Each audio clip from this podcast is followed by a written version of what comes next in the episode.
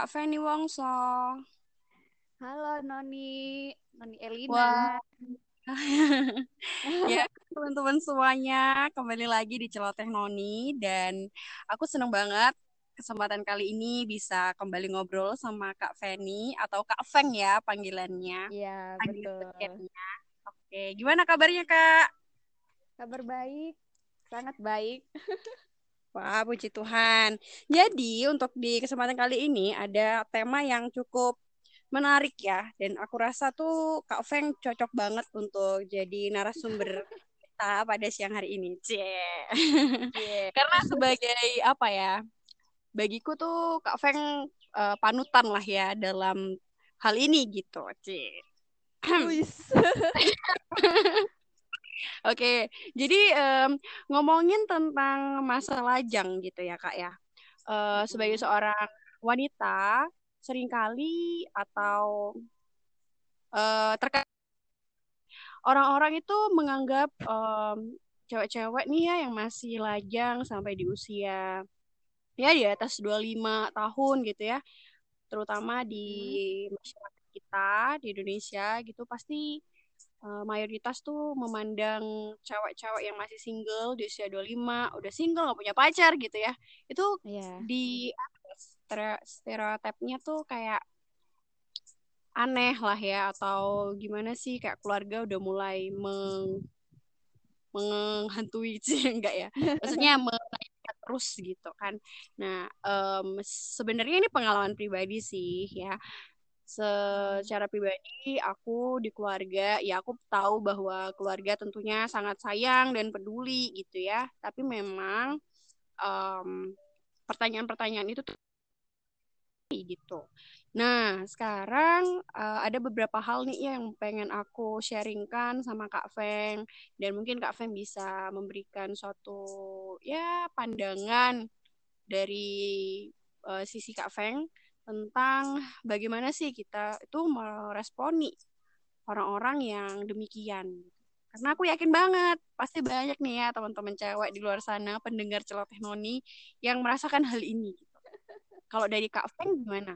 Menghadapi eh, komentar orang-orang ketika Kak Feng tuh menjalani masa-masa lajang.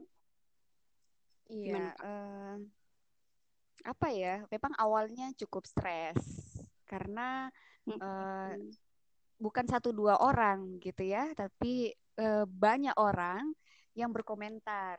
Eh, misalnya, ah standarnya terlalu tinggi atau terlalu pilih-pilih atau juga mungkin dipikir eh, apa memang memutuskan untuk tidak menikah, misalnya seperti itu. Banyak sekali Iya. komentar-komentar orang eh, yang kita terima dalam kondisi kita waktu itu eh, dalam kondisi kita yang lajang gitu ya. Nah, uh, Mm-mm. memang tidak semua orang uh, mungkin punya pemikiran yang sama dengan kita, yang wanita-wanita yang lajang gitu. Uh, saya Iya. rasa awal-awal memang stres, tapi kemudian setelah uh, kembali lagi uh, memikirkan apa sih tujuan uh, untuk menikah, apakah untuk menjawab uh, komentar-komentar orang itu, atau uh, menikah lebih Hmm. dari sekedar hanya untuk meresponi komentar-komentar itu. Nah, waktu saya berpikiran seperti itu, eh, saya memang tidak bisa menghindari komentar-komentar orang banyak, pasti ada.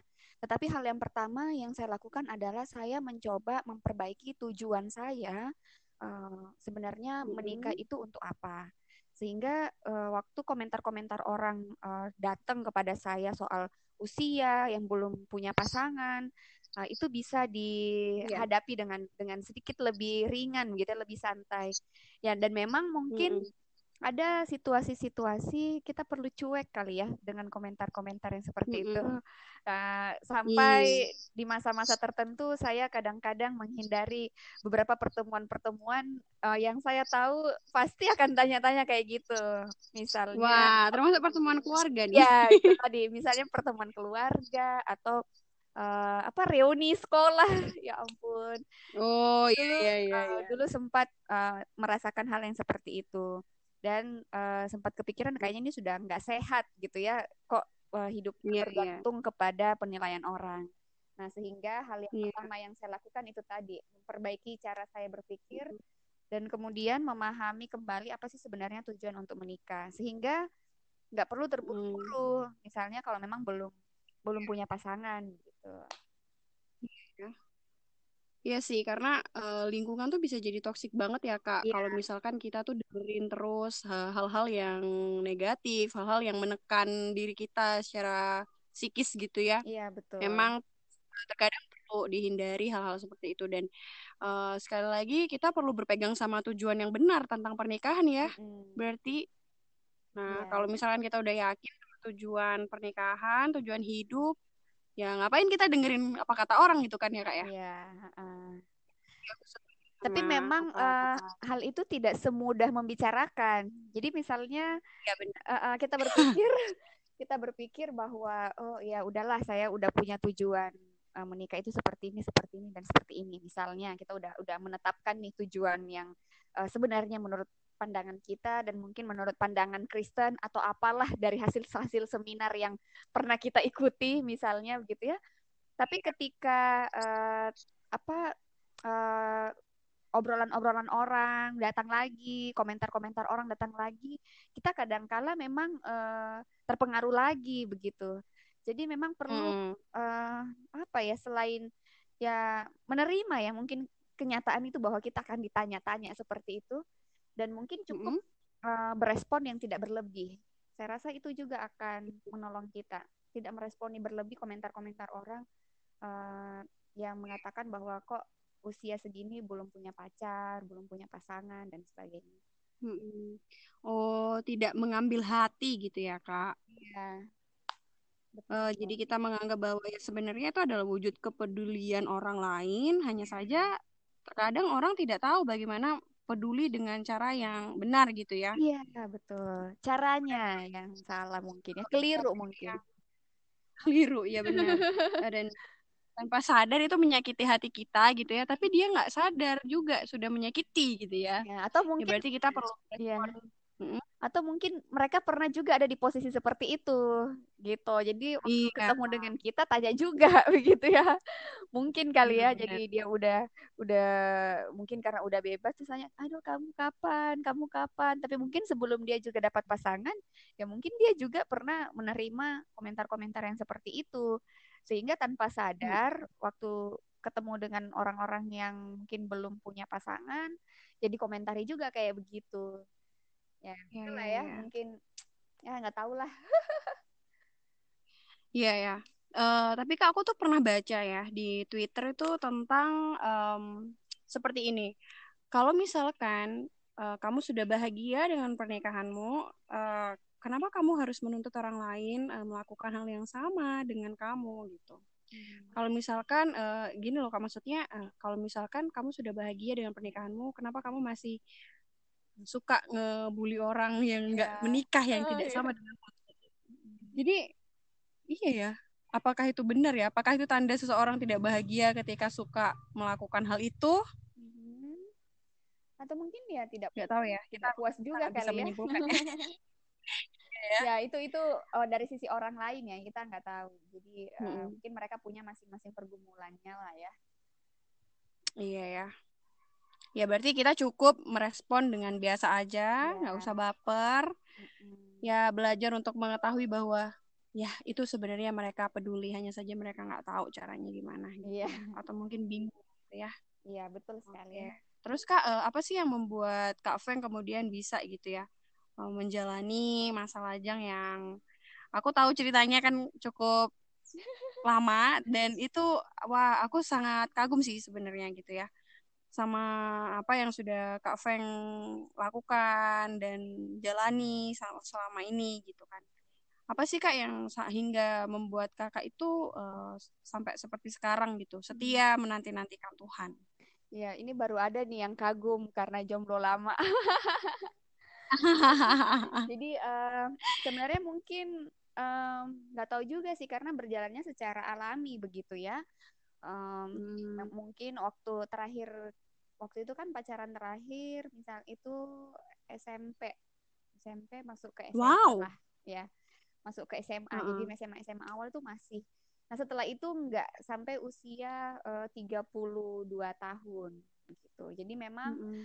em, cukup panjang Nah, tapi dalam masa-masa yang cukup panjang itu ya mungkin waktu itu merasa uh, belum butuh kali ya, belum butuh karena memang masa waktu masa SMA, kemudian masa kuliah itu saya pakai yeah. memang menjadi masa untuk uh, mengek uh, mengeksplor kemampuan, kemudian hmm. berelasi dengan banyak orang sehingga tidak mengalami uh, satu masa yang kayaknya ini harus punya pacar nih atau apa gitu ya. Enggak, jadi memang puas dengan apa yang uh, saya rasakan gitu ya, puas dengan teman-teman, kemudian puas dengan studi, uh, puas dengan iya. pelayanan. Yeah. Jadi akhirnya itu uh, secara tidak langsung membuat saya uh, tidak terlalu berfokus mungkin kali ya di situ fokusnya lebih ke iya. bentuk-bentuk yeah. aktivitas yang tadi pelayanan, studi, uh, bergaul dan sebagainya. Itu juga salah satu hmm. cara mengisi masa lajang yang menurut saya waktu itu ya saya cukup nikmati. Uh, memang yeah. memang ada titik-titik tertentu, ada masa-masa tertentu. Kadang-kadang saya mengalami itu juga. Oh, kayaknya uh, enak ya gitu ya punya teman yang uh, galau ya. Ya, kadang-kadang ada lah itu saya ingat usia-usia usia-usia 25, 26 gitu kan. Apalagi semua teman-teman teman-teman sebaya sudah pada menikah, kemudian masuk umur 27, 28, mereka sudah punya anak dan seterusnya. Sampai satu kali uh, saya pergi ke satu ibadah pemberkatan nikah teman-teman mm-hmm. KTB itu sampai hati kayak rasanya aduh Tuhan kapan ya saya juga berjalan di depan altar yang seperti ini gitu kan jadi iya. galau lagi ada ada perasaan uh, kesepian gitu kan tapi hal-hal hmm. itu tidak berlangsung lama karena hmm. itu tadi uh, mungkin karena ya sibuk di pelayanan. Cuman takutnya jangan hmm. sampai itu jadi pelarian juga gitu ya. Iya. nah akhirnya nggak jauh nggak lepas ya. Iya nggak lepas dari hubungan dengan Tuhan juga nggak sih kak? Iya itu juga salah satu. nah sehingga bagi saya puas dengan Tuhan itu membuat kita ya mempercayai Tuhan waktu yang pasnya itu kapan. Jadi saya selalu yeah. berpikir bahwa oh mungkin uh, Tuhan melihat diri saya mungkin waktunya belum pas seperti teman saya yang mungkin yeah. menikah di umur 24, 25, 26. Mungkin untuk case saya Tuhan melihat uh, belum pas. Jadi ya Tuhan hmm. masih mengizinkan saya untuk banyak terus belajar, berelasi dengan banyak orang. Bagi saya yeah. itu iya. penting. Jadi waktu memahami hmm. hal itu uh, itu membuat membuat saya bisa lebih uh, bahagia ya, lebih bahagia menjalani masa-masa lajang tanpa perlu ada ketakutan dan sebagainya. Iya, iya, iya. Berarti memang kita perlu punya hubungan yang intim dengan Tuhan iya, dan betul. kita produktif gitu ya di masa iya. lajang. Jadi nggak galau terus gitu ya kayak. Ya. Hmm, iya, jadi jangan sampai udah lajang ngurung diri di kamar. iya, benar. Jadi uh, ada banyak hal yang bisa kita eksplor selama masa lajang. Kita bisa memberi diri untuk melayani orang iya. lain gitu ya. Tuhan. Wah, ya ya ya. Kemudian Kak, um, gimana ya menurut kakak kalau misalkan ada orang nih ya yang sudah desperate banget ya akhirnya dia tuh karena kepepet dan karena sudah merasa ini sama usia apa di diburu sama usia gitu ya. Memutuskan untuk ah aku ingin melakukan sesuatu hal gitu. Nah apa sih yang perlu dilakukan? Karena ada beberapa yang aku kenal atau aku tahu gitu ya ceritanya.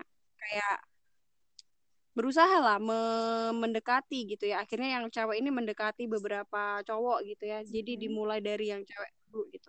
Itu menurut kakak tuh gimana kak? Ya mungkin kalau ada orang sampai di dalam kondisi seperti itu uh, itu keputusan dia ya uh, cuma mm -hmm. uh, bagi saya kalau berhadapan dengan situasi seperti itu uh, berpikir lebih panjang itu jauh lebih baik. Kenapa? Karena hmm. waktu kita berpikir bahwa yang penting dapat pasangan dulu, urusan nanti itu ya nantilah urusannya. Ya saya rasa itu juga uh, ini ya kurang tepat. Jadi belajar untuk yeah. Ya. uh, mikir-mikir lebih panjang. Ya mungkin karena saya juga kali banyak mikir, jadi akhirnya lama gitu ya. Mikir kalau iya. misalnya kalau misalnya nanti dengan orang ini, apakah tetap saya jadi ada karena ada kriteria-kriteria misalnya, apakah kalau dengan orang ini saya tetap bisa melayani, apakah kalau dengan orang ini saya tetap bisa uh, mengerjakan yang ini, yang itu dan sebagainya. Jadi ada ada standar-standar yang kita bisa uh, nilai dari diri kita aja secara secara pribadi gitu ya. Ya mungkin masing-masing orang iya. masing-masing punya uh, standarnya. Nah, lalu kemudian yeah, maka yeah. relasi dengan Tuhan tetap terbangun kalau dengan orang ini. Kalau enggak uh, bisa jadi itu bukan uh, tidak akan malah membuat kita lebih bahagia, malah bisa jadi uh, mungkin sekarang bahagianya karena sudah dapat pasangannya, hmm. tapi mungkin masalahnya akan muncul di kemudian hari. Kita nggak tahu gitu. Karena yeah. jaminan orang menikah pun kan masih tetap harus memperjuangkan relasi mereka. Iya, benar. Jadi menikah mm -hmm. itu nggak nggak semuanya indah begitu ya.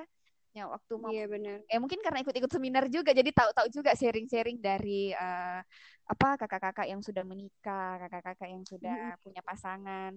Nah, itu juga menjadi hmm. salah satu uh, cara yang efektif menurut saya yang saya lakukan waktu berada dalam masa lajang. Jadi waktu kita uh, hampir hampir ada di titik seperti itu, udahlah siapa aja lah gitu ya.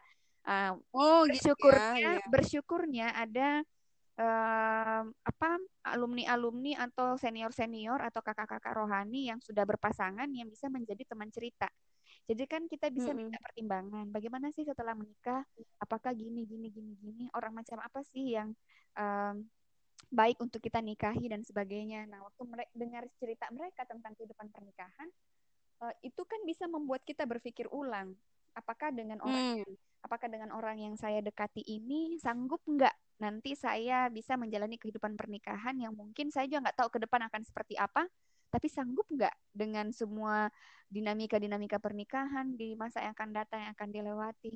Nah, waktu berpikir begitu, uh, mikir lagi nih. Uh, jadi tidak mem, akhirnya karena banyak berpikir yang mempertimbangkan lah ya mungkin lebih tepatnya dengan mempertimbangkan itu akhirnya uh, bisa membuat kita uh, tidak terlalu terburu-buru atau tidak terlalu gegabah yeah. mengambil keputusan. Lalu kemudian hmm. kalau uh, kita ada di dalam situasi seperti itu, uh, saya rasa memang kalau kita lebih besar ketakutannya untuk yeah. punya pasangan ketimbang belajar beriman, ya pasti kita akan salah hmm. pilih. Pasti kita akan hmm. salah pilih. Jadi um, kalau iya. saya sih belajar untuk mengimani janji Tuhan. Waktu mengingat janji-janji Tuhan, termasuk persoalan pasangan hidup, uh, kita nggak perlu khawatir jadi belajar mm -hmm. untuk mempercayai waktu Tuhan. Nah itu memang juga nggak mm -hmm. mudah. Itu nggak mudah. Saya saya rasa juga itu nggak mudah karena jatuh bangun juga kan. Aduh kadang mengeluh dengan Tuhan, Tuhan kapan? Kok saya belum merasakan? Padahal saya sudah melayanimu, saya sudah ini dan Nah itu hmm. kadang-kadang mm. ada pemikiran-pemikiran seperti itu. Tapi lagi-lagi yeah, iya. bersyukurnya karena uh, ada rekan-rekan seiman, kemudian juga dengan baca buku, dengan uh, berelasi dengan banyak orang akhirnya menolong saya untuk melihat uh, dan bisa hmm. lebih bersabar dengan jawaban-jawaban Tuhan terhadap doa-doa yang kita naikkan. Kalau saya sih lebih hmm. ke situ kan. Iya ya. Berarti memang ketika kita melajang, kita perlu punya komunitas yang bisa membangun kita gitu ya, Kak ya. Iya. Komunitas yang bisa mengingatkan kita pada janji-janji Tuhan, pada kehidupan pernikahan yang kita impi-impikan itu sebenarnya kayak gimana. Dan ternyata memang dalam pernikahan itu nggak semudah yang kita pikirkan gitu ya. Hmm. Itu kenapa kita harus pilih-pilih dengan benar, dengan tepat. Um, Tapi memang apa pasangan uh, hidup ya Mm -hmm. Jadi uh, bukan berarti dengan cara seperti ini akhirnya kita semua harus lama gitu ya. Uh, sebenarnya uh -huh. tidak ada orang yang mengharapkan misalnya menikahnya lama gitu.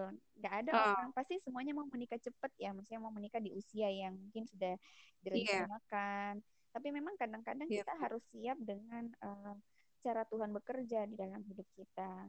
Keinginan boleh hmm. ada, merencanakan boleh, tapi kita juga siap untuk uh, diintervensi oleh Tuhan kalau memang eh, hal-hal yang kita ternyata udah putuskan, nah itu kemudian dikoreksi oleh Tuhan. Nggak apa-apa, yeah. gitu. Iya. belajar untuk terbuka dengan hal-hal seperti itu. Iya, yeah, iya, yeah, iya. Yeah. Berarti kayak misalkan aku gitu ya punya target menikah di usia segini, eh ternyata udah lewat nih waktunya nih. Kok kok belum ada ada, ya gitu. Jadi itu kita harus siap sama intervensinya Tuhan gitu ya. Iya, uh, uh. sama kan kayak saya sekarang dulu uh, punya pergumulan uh, harus menikah, punya kerinduan menikah di umur 25 gitu ya, kayak paling lambat lah 26 waktu itu ya, waktu masih masa-masa uh, aktif pelayanan. Kemudian pikir ya, mungkin nggak terlalu sulit-sulit amat juga kali ya cari uh, orang yang bisa bersama karena di teman-teman pelayanan kan banyak. Nah, terus bergaul dengan orang yang jenis ini, jenis ini. Tapi ternyata uh, itu kan namanya planning. Ternyata intervensi Tuhan uh, berbeda dari rencana. Ternyata sampai usia 33 belum menikah menikah gitu jadi mm -hmm. uh, kadangkala kita perlu terbuka ya sambil memang terus bertanya Tuhan mau mengarahkan ke mana? Kemudian Tuhan mau pimpin ke mana? Itu itu penting. Iya iya. Ya. Iya ya lalu kak kemarin tuh aku sempat mendengarkan juga suatu perbincangan mm -hmm. tentang uh, pernikahan juga dan membicarakan tentang usia ideal untuk menikah dan itu dikaitkan dengan usia anak yang nanti akan kita besarkan ya. gitu ya. Nah, di situ saya mendengar bahwa uh, usia ideal bagi wanita itu katanya uh, di usia 23, 24, 25 itulah ya gitu ya. ya. Supaya apa? Supaya nanti kalau sudah punya anak nih um, anak-anaknya tuh bisa uh, menikmati waktu bersama dengan kita cukup lama di waktu-waktu di mana kita masih ya produktif dan lain sebagainya lah pertimbangan secara biologis gitu ya kak ya. Hmm. Nah di situ uh, hal itu cukup membuat saya berpikir juga sih. Oh iya ya gimana ya pandangan uh, orang lain sih. Ter, uh, di sini saya pengen tanya buat kepada kak Feng gitu ya hmm. tentang uh, kata ideal dalam pernikahan kalau dikaitkan dengan anak dan lain sebagainya. Iya. Menurut kakak gimana? Uh, itu kan memang uh, di satu sisi bagus ya karena memang melihat sisi itunya, sisi uh, energi mm -hmm. kita waktu di usia-usia produktif kita untuk membesarkan anak. Kemudian di satu mm -hmm. sisi juga ya usia produktif bagi wanita untuk melahirkan sampai batas 35 tahun gitu ya. Mm -hmm. Itu baik karena memang melihat dari sisi itu. Lalu kemudian hmm. kalau misalnya dia adalah uh, pegawai, misalnya uh, PNS atau apa yang sebelum memasuki masa-masa pensiun, uh, dia sudah bisa uh, melihat anaknya tumbuh dewasa, gitu kan? Hmm. Uh, kemudian sudah bisa melihat cucunya dan sebagainya. Jadi ada memang iya, iya. target-target yeah, yeah. yang beberapa orang menentukan hal itu. Itu baik saya rasa menurut saya hmm. penentuan yeah, seperti yeah. itu sehingga itu bisa memacu kita untuk uh, memang benar-benar merencanakan pernikahan dengan matang gitu ya di usia-usia mm -hmm. itu. Namun uh, ada baiknya juga kita melihat dari sisi-sisi yang lain, tidak dari satu sisi. Uh, saya tidak pernah memang merindukan untuk menikah di usia yang uh, di atas 30, nggak pernah. Gitu kan? Tapi yeah. tadi uh, tidak saya, saya saya sampaikan bahwa saya rasa tidak ada orang deh yang mau menikah lama kecuali memang hmm. ada pertimbangan-pertimbangan yang lain. Tapi kalau memang hmm. di situasi-situasi tertentu kita dihadapkan ya kondisinya seperti itu ya itu tadi yeah. saya belajar melihat uh, dari sisi rohaninya uh, mm-hmm. sekalipun memang dari sisi medis dari sisi psikologi memang tadi itu ada benernya tapi dari mm-hmm. sisi rohani saya lebih melihat kok kenapa ya uh, Tuhan membawa sampai sejauh ini tanpa uh, ada teman yang bisa saya ajak bersama mm-hmm. uh, untuk merencanakan kehidupan pernikahan gitu uh, lalu yeah. kemudian melihat uh, banyak juga contoh-contoh di Alkitab di mana uh, menabrak sisi-sisi uh, fisik dan psikis tadi gitu ya. Misalnya iya, contoh uh, Sarah ini kan secara mm-hmm. secara logika, secara psikis, uh, secara ini kan udah nggak ini ya untuk jadi seorang ibu uh, dalam mm-hmm. kondisi usia 75 tahun harus melahirkan, kemudian membesarkan Ishak yeah. dan seterusnya. Tapi uh, secara rohani, secara spiritual kita melihat bagaimana uh, Allah men menabrak semua tembok-tembok yang tadi dibahas Tony itu gitu ya. Iya, Lalu iya. kemudian bukan cuman uh, Sarah, uh, Hana yang mandul. Hmm. Lalu kemudian dia yeah. minta uh, Tuhan untuk menghadirkan seorang anak di dalam keluarganya. Uh, kemudian hmm. akhirnya kan Tuhan Tuhan jawab, tapi nanti kemudian gitu dan banyak uh, situasi-situasi yang lain yang seperti itu. Bukan berarti tadi saya hmm. mengabaikan uh, ukuran ininya ya uh, bahwa ada usia tertentu, usia ideal dan sebagainya. Tetapi uh, belajar untuk melihat rencana-rencana Tuhan juga. Bahwa menikah Mm-mm. memang bukan hanya sekedar bicara soal punya anak. Ya, Nah, itu benar mungkin itu. dari sisi aku ya, dari sisi aku Iya, ya. iya. Yang nggak tahu kalau Aku mungkin setuju juga.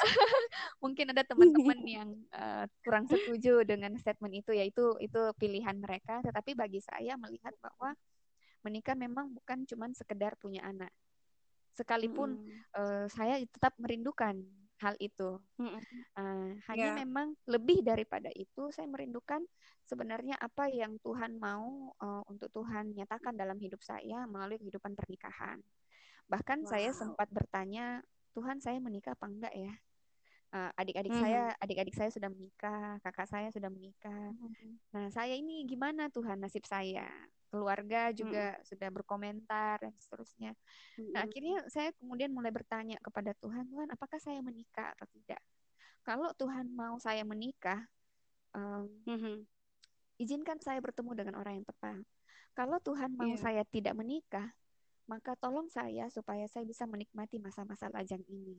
Nah, itu Mm-mm. itu yang menjadi eh, pertanyaan dan diskusi saya dengan Tuhan bertahun-tahun lamanya. Eh, sampai akhirnya memang saya melihat bagaimana Tuhan eh, mempersiapkan dan menolong eh, sampai sejauh ini. Saya rasa itu hal yang baik, yang indah, yang mungkin ya secara personal mungkin masing-masing orang eh, tahapannya berbeda ya. Tetapi saya Iya, iya. merasakan bagaimana pimpinan Tuhan sampai sejauh ini dan melihat itu tetap baik adanya. Jadi masa lajang Hmm. pun dalam usia seperti eh, waktu sampai umur 32 tahun itu ya itu bukan sesuatu hal yang menyedihkan. Jadi lajang itu bukan menyedihkan. Justru itu masa di mana eh, kita bisa mengeksplor banyak potensi kita, kemudian kita bisa banyak eh, lebih bebas ya. Lebih bebas, nggak ada yang Iya. tanya kamu di mana, sudah makan apa belum gitu. Iya. Gitu. Lebih eh, pulang pulang pelayanan malam nggak terlalu gimana-gimana gitu kan. Jadi Nggak perlu izin lebih sama siapa gitu ya, Iya, ya. nggak perlu minta izin, nggak perlu ya, macam-macam lah. Ya saya rasa juga nanti kalau orang Iya, sudah iya. kalau orang sudah menikah, pergumulan yang lain kan ada lagi kan. Iya, iya, harus benar. ngurus anak dan sebagainya itu masing-masing sesuai dengan porsinya lah. Jadi kita nggak boleh Iya. mengukur kebahagiaan kita tergantung dari kita menipa- menikah apa enggak. Iya, Jadi iya. dasar kebahagiaan kita bukan di situ. Dasar kebahagiaan kita adalah apakah kita dipenuhi oleh kasih Tuhan atau tidak Mhm. gitu. Iya sih. Em, ada satu statement yang aku memang salut gitu ya. Dalam arti kita tuh terkadang memang siap untuk bertanya kepada Tuhan, apakah Mm-mm. panggilan kita itu adalah menikah atau selibat gitu ya, Kak ya. Iya, heeh. Karena yang terpenting memang apa yang menjadi rencana Tuhan, panggilan Tuhan dalam hidup kita itu tergenapi gitu kan. Iya. Dan kita mesti siap nih. Dan kalaupun Tuhan panggil untuk selibat atau untuk melajang seumur hidup, Tuhan pasti akan memampukan dan meneguhkan hati kita untuk melaluinya Iya. gitu ya, Kak ya. Betul. Wow, sungguh sangat luar biasa sekali ya obrolan kita. Dan gak kerasa ini sudah mau 30 menit, Kak Feng. Iya. Terima kasih banyak, Kak Feng. Jadi, Iya, em, sama-sama Non. aku merasa secara pribadi aku merasa diteguhkan gitu ya sama kakak seniorku ini. Cie. Iya. Jadi aku eh, juga pengen teman-teman mendengarkan eh, podcastnya Kak Feng yang namanya apa Kak? Obrol-obrol Feng. Obrol-obrol Feng. Jadi Iya. teman-teman bisa dengerin apa yang menjadi eh, apa pengalaman-pengalamannya Kak Feng dan pelayanannya Kak Feng semuanya bisa didengar di podcastnya Kak Feng. Oke. Oke Kak Feng, terima kasih Iya, banyak. sama-sama. Kak dalam dan melayani. Iya. Selamat berkati Kak.